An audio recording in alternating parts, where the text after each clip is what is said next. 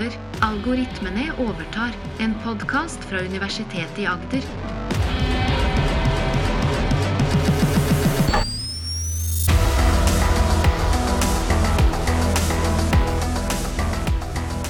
Du hører Maren og Morten snakke om kunstig intelligens. Kunstig intelligenssystemer med menneskelig konkurransedyktig intelligens kan utgjøre store risikoer for samfunnet og menneskeheten. Som det fremgår av et bredt godkjente Asilomar AI-prinsippene, kan avansert kunstig intelligens representere en dyp endring i livets historie på jorden, og bør planlegges for og administreres med passende omsorg og ressurser. Dessverre skjer ikke dette nivået av planlegging og ledelse nå. De siste månedene har vi sett kunstig intelligens-laboratorier låst i et ut-av-kontroll-kappløp for å utvikle og distribuere stadig kraftigere digitale hjerner som ingen, ikke engang skaperne deres, kan forstå, forutsi eller pålitelig kontrollere. Derfor oppfordrer vi alle kunstig intelligens-laboratorier til umiddelbart å pause i minst seks måneder opptrening av kunstig intelligenssystemer kraftigere enn GPT4. Denne pausen må være offentlig og verifiserbar og inkludere alle sentrale aktører. Og hvis ikke en slik pause gjennomføres raskt, bør regjeringen gå inn og innføre et, et moratorium. Dette var tekst som er et åpent brev fra Future of Life Institute, hvor flere tusen forskere har signert i slutten av mars. De ønsker en pause på kunstig intelligens-forskningen. Så hva tenker du om dette her, Maren? Jeg er jo spent på, Er du en, en av de forskerne som har signert på dette? Er det noe du mener? Nei, det har jeg ikke signert på. Dette, det har du ikke signert på. Dette syns jeg er Eh, mest tull og, med, og mediestunt, uh, som vi sikkert kommer tilbake til. Dette er jeg absolutt ikke enig i. Men dette kom etter chat uh, GPT4 kom? Det er helt riktig. Så innen sist uh, podkast vi har hatt, så har vi fått en helt ny variant av chat-GPT. Uh, nummer fire. 3.5 har vært den som har vært lansert uh, på slutten av fjoråret, 2022. GPT4 er enda større og enda kraftigere. Men det som også har skjedd, er at OpenAI har blitt enda mer lukket enn de var tidligere. Vi har snakket om at de er ikke fullt så åpne som navnet skulle tilsi. Eh, og den er også blitt veldig, veldig mye mer kraftig. Og den er blitt utrolig god til å skrive tekster. En liten betalingstjeneste, eh, som GPT4 er. Hvis du betaler, så får du tilgang til den. Litt tregere, men er mye mer presis, mye mer sikker. Kan skrive veldig, veldig gode eh, deler av forskningsartikler, i hvert fall. Skrive rapporter for journalister. Så GPT4 har imponert voldsomt. Ja. Er det òg en chat, uh, chatbot? Den er akkurat lik som GPT3. Akkurat, ja. akkurat den samme. Du, når du logger inn, så velger du bare vil du ha GPT3, den mm. gamle, eller vil du ha GPT4, den nye. Og så hvis du har betalt for et, uh, et plussabonnement, så får du da tilgang til GPT4. Uh, så det er ikke noe test gratis på Det er ikke noe test gratis, men jeg tror eh, Altså, jeg har kjøpt tilgang, for eksempel, for dette ja. er et kjempe, kjempenyttig verktøy. Uh, så du har testa og er fornøyd og tenker at dette her er revolusjonerende? Ja, så, så det er jo en, en, nok en stein i broen mot uh, en virkelig, virkelig god kunstig intelligens. Mm. Dette er ikke overraskende at den blir bedre, for den er gigantisk mye større. Den er antageligvis, litt avhengig av hvor, hvilke rykter vi skal høre på, 500 ganger så stor som forrige GPT. Oi. Altså, dette er gigantisk nye uh, kunstig intelligens som er så stor og så kraftig at vi vet at uh, mange av de problemene i forrige versjon uh, er løsbart. Betyr det at den er mata med mer?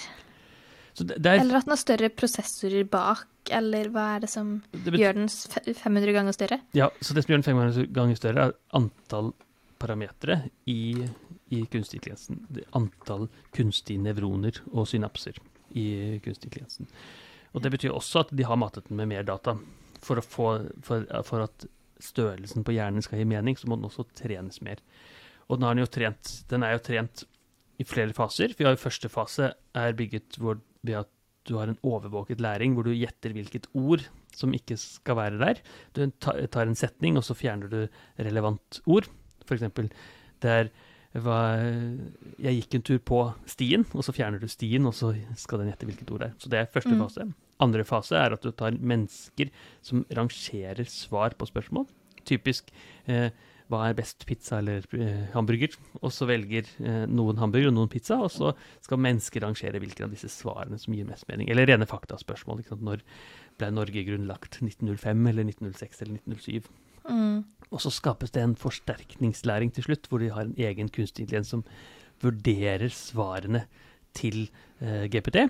Eh, og hvis svarene er gode, altså de ligner på det mennesket blir svart, så får den poeng. Og hvis den er dårlig, så får du minuspoeng. Og den siste biten der trengs man egentlig ikke noe data, for da kan bare GPT generere et svar, og så kan den andre kunstig intelligensen, som bare er trent for å gi riktig poeng, eh, hele tiden bygge opp eh, ressursene til GPT og hele tiden gi riktig poeng, sånn at den uten tilgang til nye data kan trene og trene og trene og trene. Og trene og trene. Og trene. Og da blir den virkelig, virkelig, virkelig god.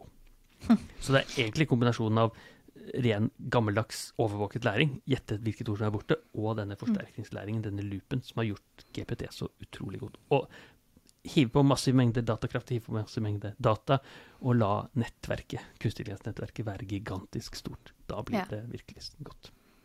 Men sist så snakka vi litt om chat-GPT inn i eh, søkemotorer, og den derre at du aldri får helt oppdatert informasjon. Hvis du spør om hvilke parti vant uh, forrige valg, så eh, har den ikke den siste oppdaterte informasjonen. Er det blitt noe bedre i GPT4? Nei, det er det ikke blitt. Det er, det er alle de samme dataene som er der. Den er fortsatt låst på de dataene den har? Det er helt riktig. Fortsatt låst på de dataene den, har. Men det, det, som også er forskjellig i GPT4, er, er at det, den er såkalt multimodal. Det betyr at du kan både ha bilder og eh, tekst. Du kan be den Her er et bilde, men fjern bakgrunnen. Og så kan du tegne et bilde, og så kan du få den til å beskrive bildet, og så får du svarene tilbake. Altså fremdeles låst på de samme informasjonen, men men den har eh, i tillegg dette bildegrensesnittet, så du kan tegne og justere. Og. Men utenom det så er den egentlig mata med den samme informasjonen som GPT3? Helt riktig. Det er, men det endrer seg, for det, det, er jo en av de store svakhetene med GPT sånn som det er nå, at den ikke får gi sanntidsinformasjon. Mm. Så det jobbes det med, for å være helt ærlig. Ja. Og, men men tilbake til denne restriksjonens eh, Disse som vil bare stoppe utviklinga nå. Ja. Hva er det som skjer? Blir folk redde? Ja, så Dette er en institusjon som heter Future of Life, som har sagt at de er så redde for GPT5, altså, eller hva enn ja. som er bedre enn GPT4, når mm. vi får sanntidsinformasjon som du snakker om. Når vi kanskje får lydinformasjon som en del av dette. Når vi antageligvis klarer å lage vitser enda bedre enn mm. gjøres før, eh, og lage falske informasjon bedre enn før, så mener de at eh, dette bør vi tenke oss litt nøyere om før mm. vi forsker videre. Og det, det høres jo ikke så dumt ut Nei, å ta en ekstra runde og tenke at eh, OK, hvor går dette henne? Ja, nei, I utgangspunktet så er det jo ikke det. Det er lurt å tenke gjennom hva man forsker på. Og så er det kanskje ikke, mener jeg i hvert fall, forskningen vil, vil til livs, men det er hva kunstig intelligensen brukes til. Mm. For det er ganske mange etiske prinsipper, bl.a. disse eh, lovene som vi, eh, vi, snakket om. Eh, eh As Asimorovs lover, eh, ideer, og, og EU sin AI Act, som allerede forteller hvilke retningslinjer som kunstig intelligens burde operere på. Så, men eh, burde, men gjør ikke, er det sånn? Nei, så det kan man jo si. Man selv om disse lovene ikke er etablert, det er ikke faste lover, så, burde, så er det veldig mange som hopper over og ja. tenker at hvorfor skal jeg følge disse retningslinjene når ikke engang ja. uh, de andre gjør det. Så sånn sett så er jeg jo helt overbevist om at uh, regjeringer i Norge og andre steder bør ha mye mye strengere kontroll på hva kunstig intelligens brukes til. Definitivt. Mm. Så, så forskninga, den vil vi ikke stoppe, men eh, akkurat publiseringa og hvor, eh, hvordan det brukes i off det offentlige rom, da. Ja, det, det, mener jeg i hvert fall. Så er det forsker som forteller at du ikke skal stoppe forskningen. Så er det eh, Altså, vi vil ikke stoppe forskningen, for det stopper jo mitt levebrød. Men det Så med det Ja, det stopper jo utvikling eh, Ja, med det i tankene, da. Så jeg, jeg, jeg, mener jo at uh, forskningen kan styres i riktig retning og ikke brukes til onde formål. Mm. Og så er det eh, ikke så mye forskning i å gå fra GPT 3,5 til GPT4 eller GPT5. Forskningen ligger jo i å lage nye ideer, få den til å være smartere, få den til å være mer sannferdig, få den til å ikke gi falsk informasjon, f.eks. Det er der Mm. forskningen er. Og så er det f.eks. å bruke det til falsk eh, fake news, eller f.eks. bruke det til å lage falske bilder. Så Mm. i opptakens stund så er det jo snakk om at uh, Donald Trump uh, kanskje blir arrestert. Det får vi se når dette kommer ut. Om Mm. det har skjedd eller ikke, det vet vi ikke. Men det florerer av bilder av Donald Trump som har blitt arrestert allerede, som er fake, for det kunstig intelligens Ja, som. GPT4 og uh, Midjourney og disse andre verktøyene har lagd disse for det. Og det er sånt man egentlig ønsker å stoppe, og det har Mm. ingenting med forskningen å gjøre, sånn som jeg ser det. Nei, så jeg tenker jo at uh, dette er først og fremst et uh, mediestunt. Uh, for når Future of Life samler Elon Musk og de andre teknologiprofilene i et åpent brev for å kreve pause i kunstig intelligensforskningen, så er det, er det for å få oppmerksomhet. Så Musk er en av de mest høylytte dommedagsprofeter som advarer mot en forestående teknologisk apokalypse hvor kunstig intelligens har tatt over. Og de har veldig mye å tjene på at vi tror at denne teknologien kommer snart til å være så god at vi kommer til å miste kontroll. Eh, og dette er etter min mening i hvert fall ikke gjengs eh, holdning blant de fleste kunstig intelligensforskere. Vi tror at vi har kontroll, men vi tror også at man skal bruke kunstig intelligens varsomt. Og da trengs det lover og regler og prinsipper som i en stor grad da allerede er på plass, eh, men som eh, bør følges, tenker Mm. jeg. Og hvis ikke så må vi ha et eh, Så krever de at det, skal være et moratorium, så er det en type regjerings- eller statlig utsettelse på hva kunstig intelligens faktisk kan gjøre. Et eget uh, organ som bare har kontroll på dette? Ja, ja, ja eller at regjeringen sier stopp. Eh, Hvis, Ja, ikke, hvis ikke ja. de selv eh, hvis ikke alle forskningssentre, sånn som CARE, som jeg tilhører, setter en pause på forskningen av oss selv, så Mm. bør regjeringen komme og si at nå skal dere gjøre noe annet et halvt år. Ja. Så de vinner virkelig full stopp i dette her. Ja. Ikke, ikke bare i publisering og i testing og i utsende til publikum. Eh, litt sånn som vi snakka om sist, at Google kanskje hadde gått litt fort frem Ja, nå. Eh, eh, så um. Men virkelig stopp i all utvikling og forskning. Og det, eh, ja, som er sterkere enn GPT4. Og så er det jo litt Mm. vanskelig å skjønne hva det er. Det er mange Ja. varianter av sterkere. Og så er det veldig mange praktiske utfordringer med det.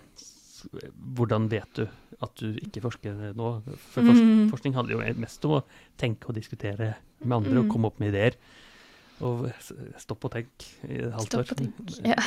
så det, og det, for alle praktiske formål så går ikke det. Eh, eh, men, men det er likevel Jeg er helt enig i at det er et kappløp, og et, et, til viss grad et usunt kappløp, når Mm. Google og OpenAI, Microsoft og kinesiske myndigheter eller kinesiske firmaer eh, kapper om å være litt mer intelligent enn forrige gang, og kanskje tar noen snarveier, både i hvor intelligent disse er, men også hva, hva slags data, hva slags holdninger som er knytta til hvilke data som er trent opp. Er det alle etnisiteter, er det alle grupper av mennesker? Er det både for de rike og de fattige i verden, f.eks.?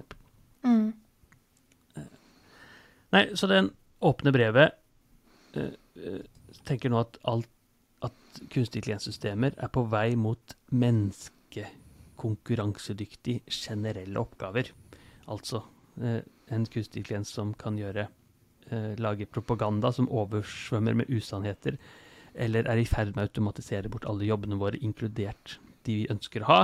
Og vi bør da tenke at å utvikle ikke-menneskelige sinn, som de sier da på engelsk, eh, er eh, kan ikke nødvendigvis være fordelaktig å erstatte oss. I hvert fall bør vi tenke oss nøye om. Og så det de sier da, at vi bør uh, ta utgangspunkt i noe som kalles Asilomars uh, grunnprinsipper rundt kunstig intelligens. Og jeg tenkte at de kunne vi nevne, vi kunne sn snakke om alle disse. Ja, du de må først forklare liksom enda tydeligere hva er, hva er det for noe. Ja, så det, det var, Asilomar er et sted i California, og der var det en konferanse uh, i 2017 hvor en rekke etikere og kunstig intelligensforskere, flere enn hundre av de, satte seg ned og tenkte nå skal vi lage noen, eh, noen eh, lover, eh, i hvert fall i hermeten lover, noe etikk og litt grunntanker, filosofi, rundt hva vi skal bruke kunstig intelligens til. Og, og tanken deres, som OpenAI var med på, var at på et eller annet punkt så kommer kunstig intelligens til å bli så sterkt at vi vi bør sette en pause. Vi bør eh, være enige om en grense på hvor kunstig intelligens kan gå. Kommer det til å være så intelligent at den overgår oss, da bør vi, eh, da bør vi tenke oss litt om. Og så er det egentlig tenkt eh, ganske, ganske langt fram i tid, hvor eh, roboter blir superdupet intelligente. Mye mer intelligente enn nå, og ikke at ChatGPT kan svare kjempegodt på, eh, på et spørsmål eller skrive en god stil. Mm. Men I prinsippet så er det 25 eh, prinsipper. Altså i, i Dette er 25 områder som de har sagt at her bør vi eh, være eh, varsomme. Dette er det vi bør gjøre. Mm. Og så jeg tenker vi kan nevne alle sammen. Vi bør ikke diskutere alle, for da bruker vi en hel dag på denne yeah. podcasten. og noen av de er, for å være helt ærlig, rett og slett banale og tydelige. Eh, okay. Det er tre grupper. Eh, Mhm. Det handler om forskning, og det handler om etikk, og det handler om lang, langtidshorisont. Ja. Altså fem, fem eh, prinsipper som handler om forskning. Jeg tror det er eh, en eh, tolv eller noe sånt som handler om etikk, og så er det fem som handler om eh, eh, langtidsprinsipper. Det ble, ikke, Ja. det, ble ikke 25 til sammen, men det blir 25 til sammen hvis vi Ja. hadde det riktig. så OK, la oss bare ta forskningsprinsippene først, for dette, Ja, for dette er grunnlaget for hva du skal gjøre. Jo, det ene prinsippet er at mål med kunstig intelligensforskning bør være å, bør, eh, være å skape eh, intelligens som er nyttig, og det betyr at kunstig intelligensforskning skal være fordelaktig. I praksis betyr det at vi skal lage kunstig intelligens som ikke er slem. Vi skal ikke lage onde formål. Så, Ja, og fordelaktig for oss generelt. Ja, det er et veldig generelt prinsipp, men eh, Ja.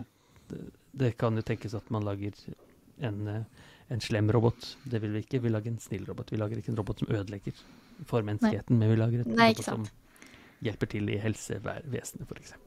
Ja.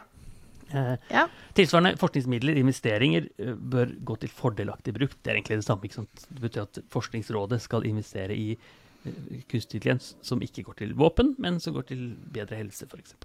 Mm. Neste bør det bør være en konstruktiv, sunn utveksling mellom kunstig intelligensforskere og beslutningstakere, altså politikere, f.eks. Fint, enig. Eh, Så kunstig intelligensforskere og andre forskere bør selvfølgelig snakke med politikere. Helt Mm. åpenbart. Eh, Neste, det bør være en kultur for samarbeid, tillit, åpenhet, som bør fremmes av eh, forskere og utviklere av kunstig intelligens. Helt enig. Fint eh, å samarbeide. Det bør ikke være eh, en konkurranse der, for dette går jo på neste punkt, som er kappløpsunngåelse, som de kaller det. Mm. Team som utvikler kunstig intelligens, bør aktivt samarbeide for å unngå å kutte hjørner og sikkerhetsstandarder. Og det er Mm. kanskje her vi er i ferd med å kanskje ikke Litt følge den loven. Ja, Nei, litt det som kan uh, ha begynt å skje nå. nettopp. Mm. Og da Altså, men hele vårt økonomiske system er jo bygget rundt at vi skal konkurrere. Vi skal Ja. lage teknologi som er bedre enn den andres teknologi, for da vil kundene komme til meg og ikke til deg. Mm. Og sånn er det jo med Microsoft og Google når de kjemper med Bing og Google søkemotoren. Selvsagt så vil de være bedre enn motstanderen. Men det betyr ikke at man ikke kan samarbeide, og, eh, og, og, og der mener jeg at OpenAI nå gjør noe helt feil. For det, de har tradisjonelt vært litt åpne. Nå er de enda mer lukket enn de noen gang har vært. Ja. Og stenger ned for muligheten til å samarbeide. Stenger ned for muligheten at jeg som forsker kan vite hvor stor GPT4 er, f.eks. Eller jeg, jeg som forsker kan ikke etterprøve hvordan algoritmen Mm. fungerer. Fordi de har lukket alt ned. Men dette er ikke noen regler, så de kan ikke si at eh, De kan ikke komme og påpeke det til de. Nei. Altså Påpeke kan de jo selvfølgelig, men ikke gi noe bøter eller få noen konsekvenser for OpenAI. Nei, dette er bare prinsipper som Mm. man har blitt enige om på denne Ja. Og som dette Future of Life Institute mener nå bør kanskje eh, Bli mer eh, rett, rett, regler enn retningslinjer. Ja, kan, kanskje. Og at man skal Hvis ikke folk frivillig gjør det, så bør regjeringer komme inn og stoppe. Ja. Fint. Og så Da har vi noen eh, prinsipper rundt eh, etikk. Eh, Mhm. Og det er ganske mange av de, så vi eh, kan nevne de eh, fort, tenker jeg. Sikkerhet. Eh, Kunstig intelligens-systemet bør være trygge og sikre gjennom hele levetiden, og verifiserbar. Eh, Det betyr rett og slett at eh, jeg kan vite hvor nøyaktig en kunstig intelligens er. Eh, Fint. Feilgjennomsiktighet. Eh, Det betyr at eh, hvis et kunstig intelligens-system forårsaker skade, bør det være mulig å finne ut hvorfor det gjør skade. Altså, hvis den gjør en feil, selvkjørende bil krasjer fordi den opp, gjør en feilkategorisering, så bør jeg vite hvorfor. Eh, Også Ja. fint. At ikke det bare skjer, og så går vi videre, på en måte. Ja, nettopp. At algoritmen er bygget opp for det. Rettslig åpenhet, som betyr at enhver involvert i et autonomt system eh, i rettslig beslutningsprosess bør, bør ha en tilfredsstillende forklaring som kan kontrolleres av et kompetent menneskelig myndighet. Og det betyr eh, f.eks. rettsvesenet. Altså hvis et system forteller eh, du får ikke jobb, eller du får ikke lån, eller du får ikke stønad fra Nav, så bør det være sånn at eh, f.eks. rettsvesenet i Norge kan si eh, dette algoritmen var ikke god nok, du leste på feil data, du Mm. eh, så på øyenfarge istedenfor tidligere inntekt, f.eks. Så den er litt lang. Og det går egentlig videre i neste. Ansvar. Designere og byggere av avanserte kunstig intelligenssystemer eh, og bør være interessert i de moralske implikasjonene for deres bruk, misbruk og handling, med et ansvar og mulighet til å forme disse implikasjonene. Altså, de som bygger kunstig intelligensene, bør ha litt ansvar for hva som bygges. Mm. Ja, og der er vi jo inne på, som vi har snakka om mange ganger, med selvkjørende biler. Sett nettopp. Mm. Eller, eller GPT, som kanskje kommer med Ja. dumme forslag. Eh, Vi har et Ikke eksempel sant. hvor Bing kom med re re rene destruktive forslag til hvordan eh, journalisten som brukte Bing den gangen, skulle operere. Og eh, da tenker vi jo kanskje at eh, nå har Bing, Microsoft, et ansvar. I hvert fall hvis vi skal følge disse prinsippene. Mm. Uh, verdijustering. Svært autonome kunstig intelligenssystemer bør utformes slik at deres mål og atferd kan sikre samsvar med menneskelige verdier gjennom hele driften. Altså, vi skal løfte opp menneskelige verdier, menneskerettigheter f.eks., Mm. eh, når kunstig intelligens bygges. Eh, som går på videre. Menneskelige verdier. Eh, kunstig intelligenssystemer utformes og drives for å være kompatible med idealer om menneskeverd, rettigheter, friheter og kulturelt mangfold. Altså ikke f.eks. Eh, prioritere et, en gruppe mennesker, eh, Mm. menn over kvinner f.eks. Mm. Personlig pers eh, personvern. Folk bør ha rett til til- tilgang til, administrere og kontrollere dataene de genererer, gitt at kunstig intelligenssystemet får makt til å analysere og bruke disse dataene. Altså, personvern er fint, eh, som går på eh, flytter over i neste. Frihet og privatliv. An anvendelsen av kunstig intelligens på personopplysninger må ikke på urimelig måte begrense folks reelle oppfatning av frihet. Altså, vi kan ikke bare høste data, personvernsdata, og eh, la- lage f.eks. rettssystemer som eh, baserer seg på akkurat eh, dine personlige data, uten Mm. at du kan velge å opte ut, hoppe ut av det. Eller forsikringsfirmaer, kanskje. Enda mer. Det bør til felles fordel. Kunstig intelligensteknologi bør til nytte og styrke så mange mennesker som mulig. Ja, fint. Ikke bare akkurat de som kan kjøpe systemet og kanskje har penger nok til å kjøpe nyeste iPhone, f.eks., men alle andre også. Mm. Delt velstand, den økonomiske velstanden kunstig intelligens skaper, bør deles bredt til fordel for hele menneskeheten. Her er vi nesten sånn sosialdemokratiske tanker her, men ok, fint. Det bør ikke være noen firmaer som alene jobber og tjener penger på kunstig intelligens. Og akkurat her er jeg ikke sikker på om Microsoft og OpenAI er, er helt enig. Helt enig. Nei. Og så spørs det jo åssen utviklinga blir, da, hvis ingen skal tjene penger på det. Ja, på ja godt poeng. Eh, Altså, på et eller annet måte så må jo finansieringen feedes tilbake til Mm. firmaene som utvikler det. Mm. To til på etikk. Eh, ikke subversjon. Makten som gis av kontroll av svært avanserte kunstige intelligenssystemer, bør respekteres og forbedres, snarere å undergrave de sosiale og samfunnsmessige prosessene som eh, samfunnet eh, er avhengig av. Altså, vi skal ikke ødelegge demokratiet, vi skal øke demokratiet. Vi skal ikke lage reklame som bare treffer de som kanskje stemmer republikansk, eh, for å oversette det demokratisk eller motsatt. Vi skal være sånn at eh, folk blir mer opplyst og ta demokratiske valg, f.eks. Mm. Siste etikk eh, våpen. Et våpenkappløp, våpenkappløp med dødelige autonome våpen bør unngås. Og det er jo Det Enig. høres veldig fornuftig ut. Ja. Så det er også eh, litt vanskelig å gjøre i praksis, men eh, ja.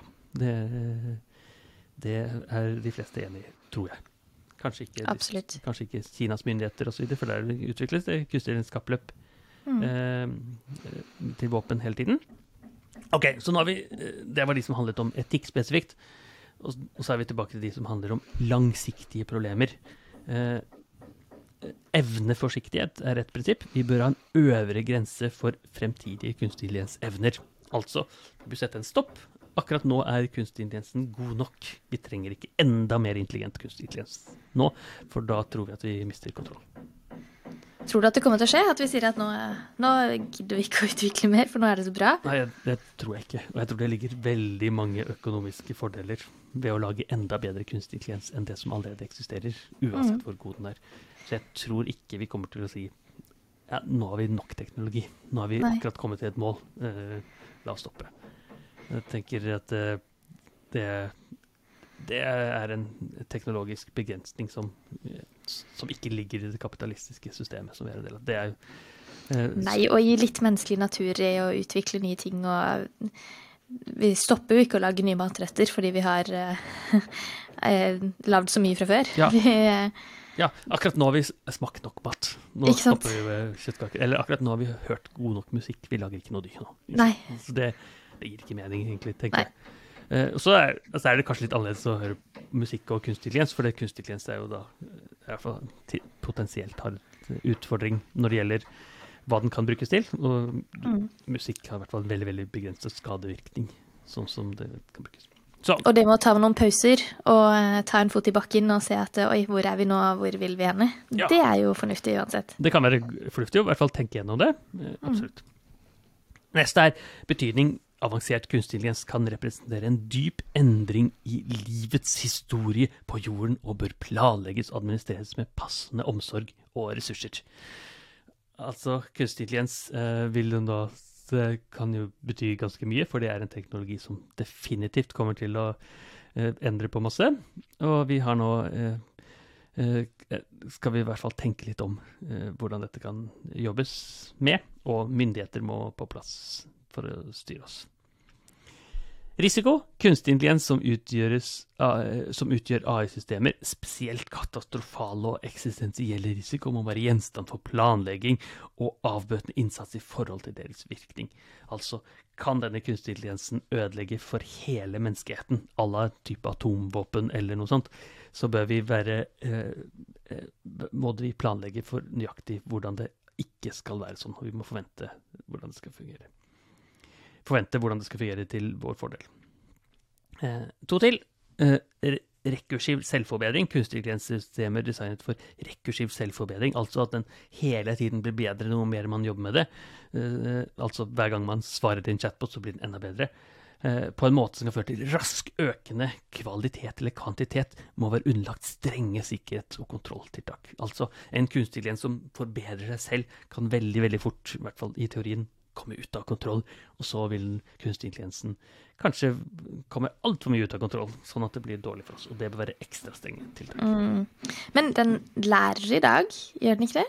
Nei, så, så ChatGPT eh, Ja. er sånn at den ikke lærer rekursivt. Det betyr at den lagrer data, og så når OpenAI eller Microsoft bestemmer seg for å trene den opp på nytt, så trener de opp på nytt. Det er altså i deres kontroll. Men det er veldig veldig Ja. enkelt å tenke seg at vi heller hadde gjort det på en annen måte. At hver eneste svar jeg gir, så blir den litt bedre. Og det Mm. kan jo godt være at det skjer i neste versjon av ChatGPD, f.eks. At den blir iterativt bedre. Men var det ikke noe med at hvis du svarte, hvis du spurte det samme spørsmålet i nærheten i samme tidsrom, Jo. så har den sånn korttidsminne Den har et eh, korttidsminne, og, og, og det den egentlig gjør, er at den husker prompten. Altså hvis de skriver noe, det er en prompt, og så husker den den prompten en liten tid. Okay. Kanskje en halvtime eller noe sånt, eller innenfor samme sesjon, også innenfor samme geografisk lokasjon. Altså hvis Ja. du sitter i Kristiansand og jeg sitter i Kristiansand, så vil den huske det.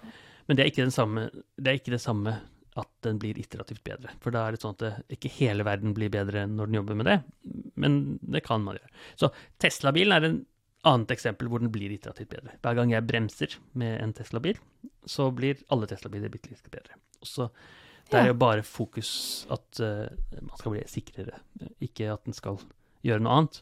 Men det er hvis man tenker en helt annen variant av ChatGPT som er ute og går, som en fysisk robot, og alle menneskene har en assistent, og hver gang jeg snakker med eh, min fysiske ChatGPT versjon 10, som hjelper å eh, handle mat osv., og, så og så forteller jeg at nå skal du bli bedre, så blir alle andre roboter bedre når den får litt input av meg, så kan vi fort være sånn at eh, de trenes opp til uh, å være roboter for, for en hær, f.eks., eller eller kanskje gjøre terroristangrep osv., som da selvfølgelig vi ikke vil at den skal gjøre.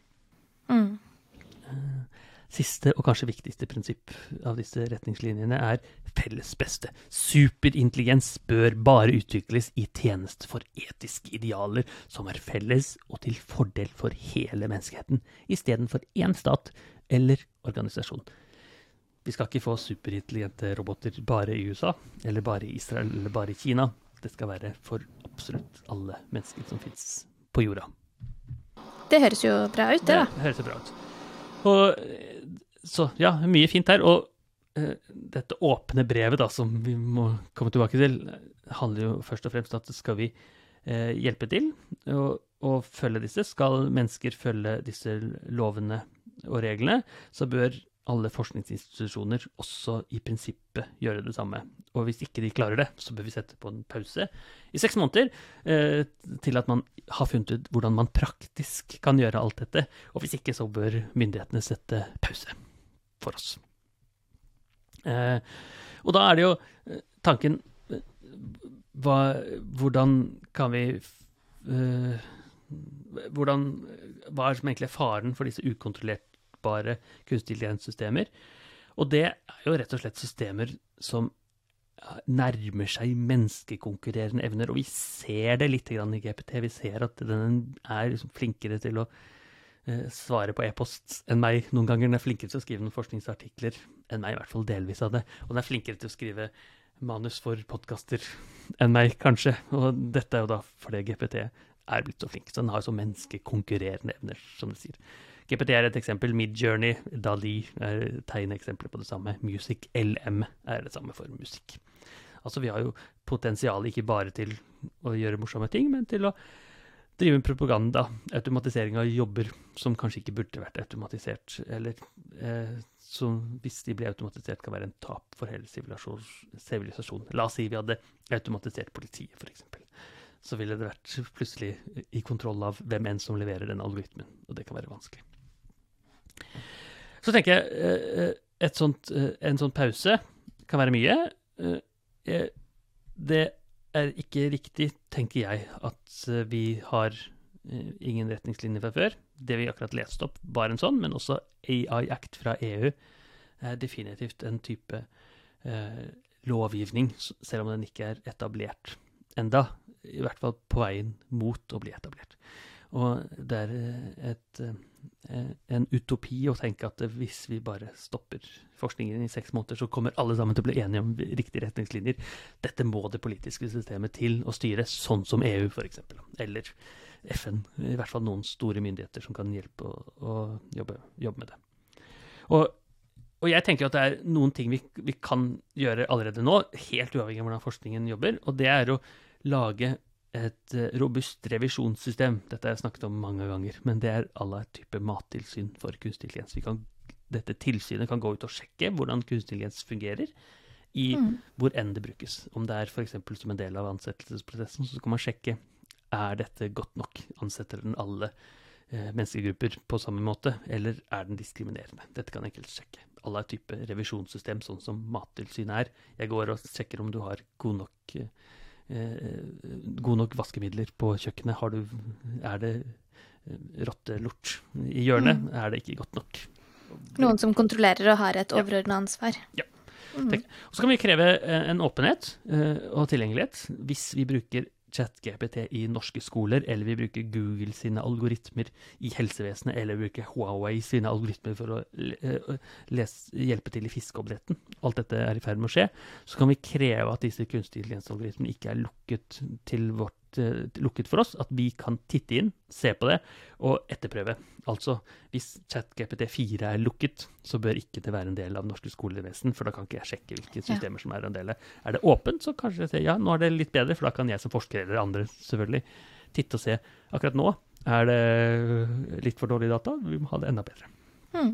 Og bare stole på at Microsoft og OpenAI har gjort det bra nok, er ikke bra nok, mener jeg. Mm. En annen idé som jeg har tenkt på flere ganger, det er vannmerking. Altså eh, når vi lager noe tekst er det litt vanskelig, men i hvert fall bilder som kommer ut av kunstig intelligens, så kan de vannmerkes. Og det betyr at det, yeah. man sier dette er laget av en kunstig intelligens. Når jeg ser mm. Donald Trump bli arrestert, eller jeg ser Jonas Gahr Støre i en forferdelig situasjon som kanskje er fake eller kanskje ikke, jeg vet ikke, så kan jeg spørre en kunstig intelligens, nei, spørre en algoritme å, å lete etter dette vannmerket, og, og se jo, dette er antakeligvis generert av kunstig intelligens. Så ikke at det er så tydelig at alle kan se det, men at uh, kunstig intelligensen selv kan hjelpe oss å finne det? Ja, nettopp.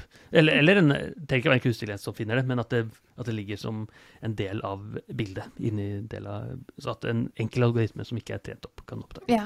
Det er litt som eh, øremerking av hund. En chip i øret. Ikke sant? Ja. Men ikke noe som er synlig, ikke at det er en synlig sirkel med tegn i. ja, så det kan det også være, men det er nok veldig, veldig enkelt å klippe bort. Yes. Men, men altså, det skal sies at et vannmerke vil også være enkelt å klippe bort, men det er i hvert fall et stykke på vei, tenker jeg. Ja. Kanskje enda mer med lyd, hvor det er vi hadde en episode i forrige gang hvor vi så hvor god den var til å lage falske stemmer. Mm. Uh, og da kanskje det er et vannmerke som sier at dette er et falskt lys. Ja.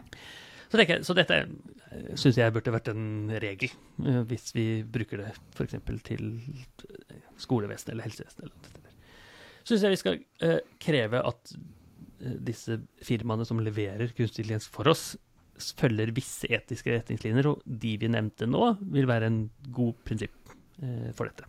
Altså, mm. Vi kan ikke bare akseptere at de gjør hva, hva de vil. Vi må si eh, du skal f.eks. være åpen på dataene. Du skal f.eks. Mm. Kreve en viss nøyaktighet. Du skal eh, sikre at uh, ikke den løper løpsk, f.eks. Vi må sette noen retningslinjer. Ja, sette noen retningslinjer.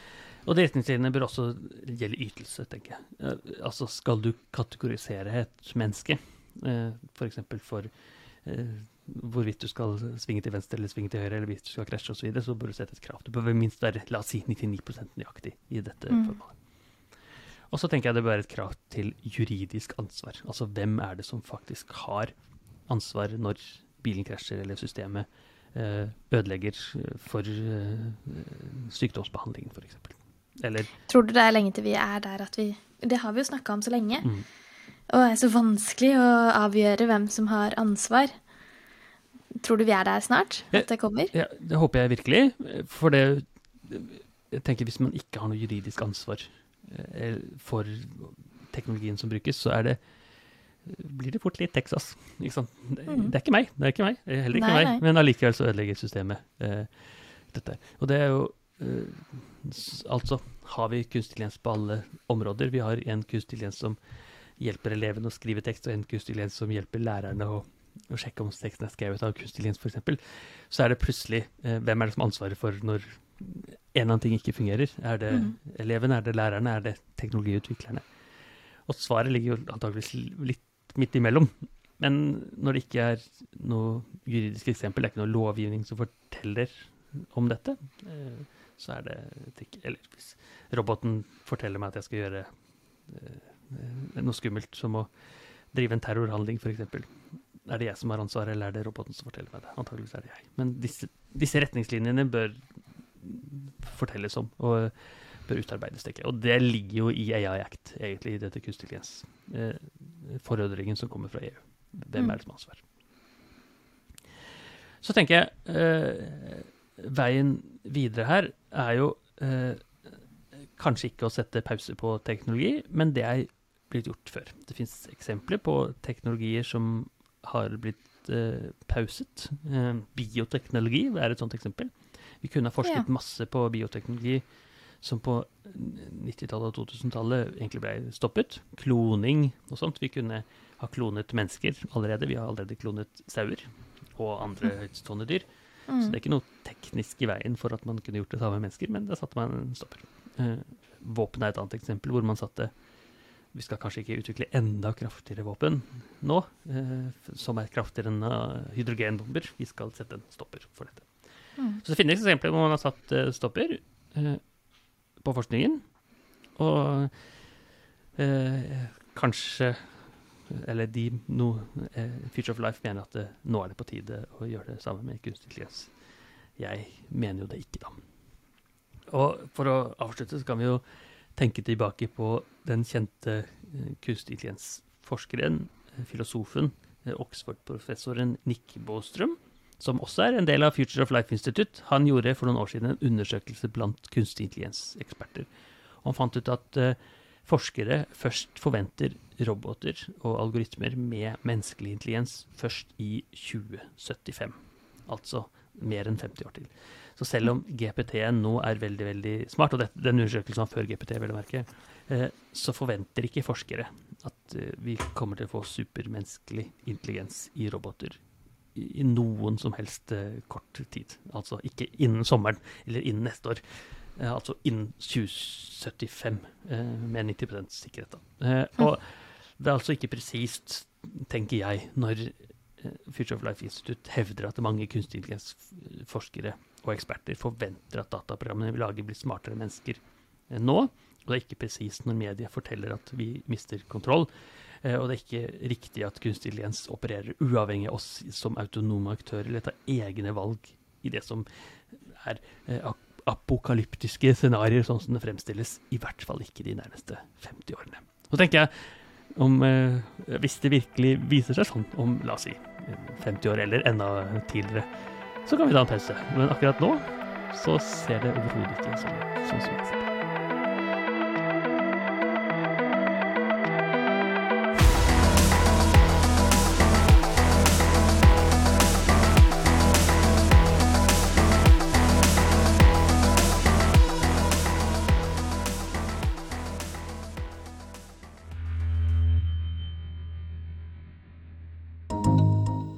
Universitetet i Agder.